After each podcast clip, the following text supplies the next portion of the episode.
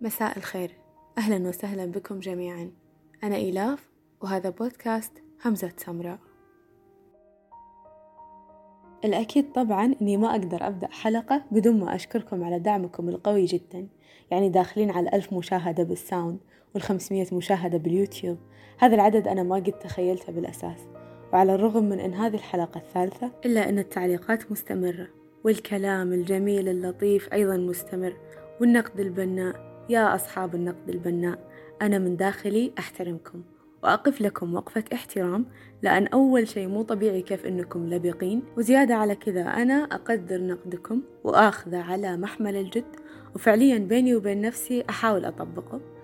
أولا وأخيرا أشكركم شكر حار جدا ويا رب أنكم مستمتعين بهذه الرحلة زي ما أنا مستمتعة ومستلذة بكل حلقة وكل كلمة أقرأها لكم في هذا البودكاست. أحب أذكركم إذا عجبكم البودكاست شاركوا للأشخاص اللي يفضلون هالنوع من المواضيع ودائما وأبدا أعطوني آراءكم أو حتى انتقاداتكم إن وجدت. شاركوني إياها نص اليوم ويا جمال نص اليوم. طبعا حلقة اليوم من المواضيع المفضلة لي جدا والقريبة من قلبي ألا وهي اللغة العربية. قبل أقول لكم الناس والقصة أو شرح النص أو أي شيء أتوقع الأغلب منكم يعرف قديش أنا محبة وعاشقة وهائمة في جمال اللغة العربية. والدليل إني سميت هذا البودكاست بالهمزة بسبب غضبي من الناس كيف إنها تكتب اسمي ناقص. عند هذه النقطة خلوني أحكي لكم سالفة. قبل كم يوم كنت أتكلم مع واحدة من البنات اسمها نادية. قالت لي عجبني البودكاست وإنك ركزتي على الهمزة لأن أنا أعاني مع اسمي الناس تكتب اسمي بالتاء المربوطة وأهلي في البيت من باب المزح ينادوني نادية لدرجة حسيت ودي أروح وأحط نهاية اسمي ألف عشان أرتاح من هالنقطة. الصراحة بعد قصتها حسيت بالراحة شوي لأن لقيت في أحد نفسي ما يحب أن اسمه ينكتب ناقص أو يغير فيه شيء حتى لو كانت هالتغيير نقطتين. صاحب الشأن يا أصحاب يتضايق من هذا الشيء وأيضا يعتبر بالنسبة لي تشويه لجمال اللغة العربية. سواء في الشكل أو في النطق. أحب أني أعطي كل حرف حقه سواء بالكتابة أو الحركات أو النطق. شيء ممتع فيه لذة كبيرة لو تمعنتم يعني. حتى لو جينا من ناحية أخرى يكفي أن الكلمة الوحدة العربية لها أكثر من معنى. يعني بكل صراحة هذا الشيء ما تشوفونه مميز أيضا سميت اللغة العربية بلغة الضاد لأنها اللغة الوحيدة التي تمتلك هذا الحرف من بين كل اللغات. متصورين حجم التميز؟ وأساسا بغض النظر عن كل الكلام اللي قلته من قبل يكفي فقط أن القرآن الكريم نزل بالعربية وهذا الشيء بحد ذاته جمال غير عن جمال اللغة. طبعا السبب اللي خلاني أتكلم عن هالموضوع اليوم مو سبب واحد. خلينا نقول سببين. أولهم إني صرت ألاحظ فينا قلة الاهتمام بلغتنا. نختصر الكلمات ومعتادين على اختصار الكلمات كأنه شيء جدا عادي. طبعا اللي يسمعوني الحين يحسبون إنهم إذا بعد كذا تكلمنا وغلطوا في الحروف بزعل وأعدل لهم وأعطيهم محاضرة في اللغة العربية. لا لا يا جماعة مو لهذه المرحلة لكن هدفي من هذه الحلقة مش توبيخ أبدا. فقط حبيت أبرز لكم جمال اللغة العربية من جميع النواحي. لعل وعسى ننبه ونحبب الناس المتهاونين بلغتهم. والسبب الثاني اللي خلاني أتكلم عن هذا الموضوع هو إني في فترة من الفترات دخلوني صديقاتي بجروب في تويتر مع مجموعة كاتبات وكل واحدة منهم كتاباتها مبهرة أكثر من الثانية. وطبعا بتتأكدون من كلامي في الحلقات القادمة لما أقدم لكم نص كتبتها واحدة منهم. المهم كان هذاك الجروب ما ينتهي اليوم إلا ونطلع منه أقل شيء بخمس نصوص وكل نص فيهم أجمل من الثاني. يعني تقريبا هذاك الجروب كان أفضل شيء صار لي طول الفترة اللي تعلمت فيها كتابة النصوص. وبمرة واحدة من البنات أرسلت لي سؤال مو لي للجروب كامل. سؤال ما أتذكر صيغة السؤال بالضبط لكن أتذكر المعنى اللي هو تخيلوا الحياة بعد كم سنة لو استغنينا عن الكتب. طلبت مننا البنت نجاوب عن طريق النصوص الأدبية. أنا وقتها تخيلت الوضع وبالنسبة لوحدة نفسي تقدس الكتب والكتابة واللغة العربية الفصحى كان الخيال فقط كارثة عظمى. فكتبت هذا النص من زعلي يومها وبدل ما أني أكتب النص كامل في الملاحظات وأرسله لهم بالجروب شخصنت الموضوع أكثر.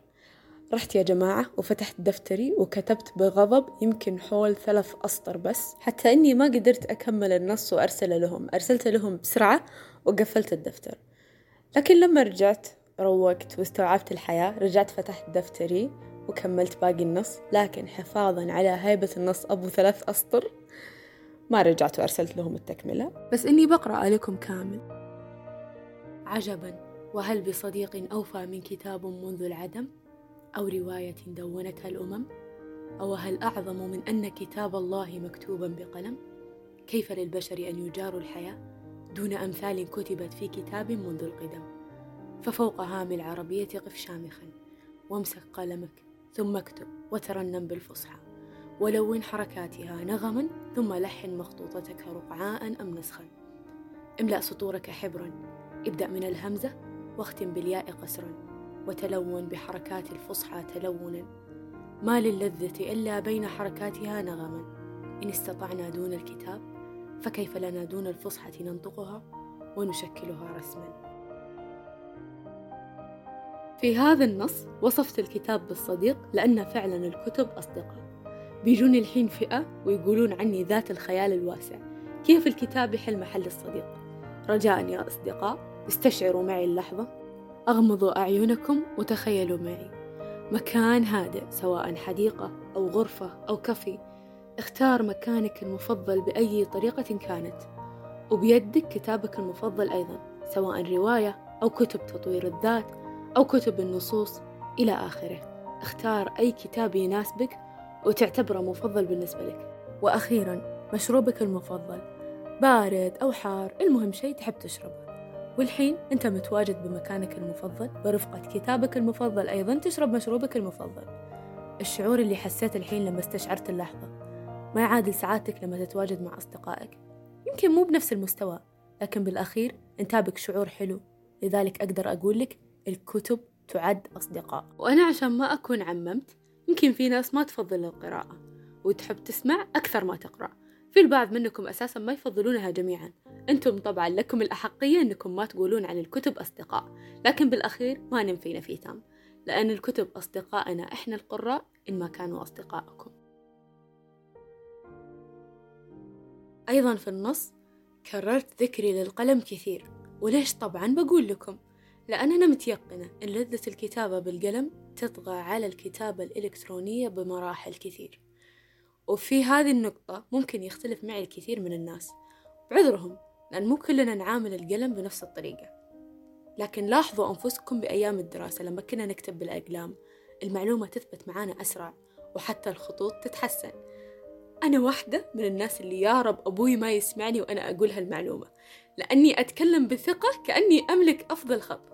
بس عشان أكون واقعية للأمانة خطي مو الأفضل لكنه تحسن كثير عن قبل. والفضل لله ضمن الكتابة بالأقلام.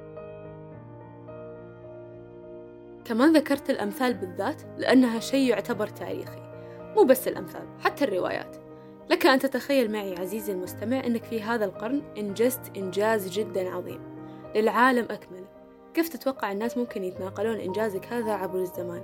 الأجيال القادمة كيف لها أن تعرف عنك؟ بتقول عن طريق الناس أولا إحنا بشر وبطبيعتنا ننسى. ثانيا الجيل هذا ما راح يعيش للأبد. أكيد كلنا بنموت. مين راح يواصل رسالتك للجيل القادم؟ مو شرط نفكر بالجيل القادم. كيف كانت بتوصلنا قصص الرسل والأنبياء إذا كان القرآن غير مكتوب؟ أيضا كيف كان بإمكاننا أن نصل لهذا الكم من التطور والتقدم اليوم إذا ما بدأنا بالكتابة؟ وحتى ذكرت الحركات في هذا النص بالذات لأن الحركات مهمة بشكل جدا كبير رغم أننا نستغني عنها إلا أنها أهم من الحروف ذاتها. أحيانا وغالبا الحركة إذا تغيرت تغير المعنى كامل وإحنا نلاحظ هذا الشيء كثير. يعني مثلا خلينا نتخيل الحين أني كتبت نص خالي من الحركات تماما. أنا كتبت أقصد فيه معنى معين وسلمته لشخص من بعدي. راح يفهم النص بشكل آخر تماما والسبب الحركات. نفس ما ذكرت لكم أول إن الكلمة العربية لها أكثر من معنى لذلك إذا كانت بدون حركة معناتها هي توصل معنى آخر. أنا من وجهة نظري الحركات هي عبارة عن معنى قبل النغمة.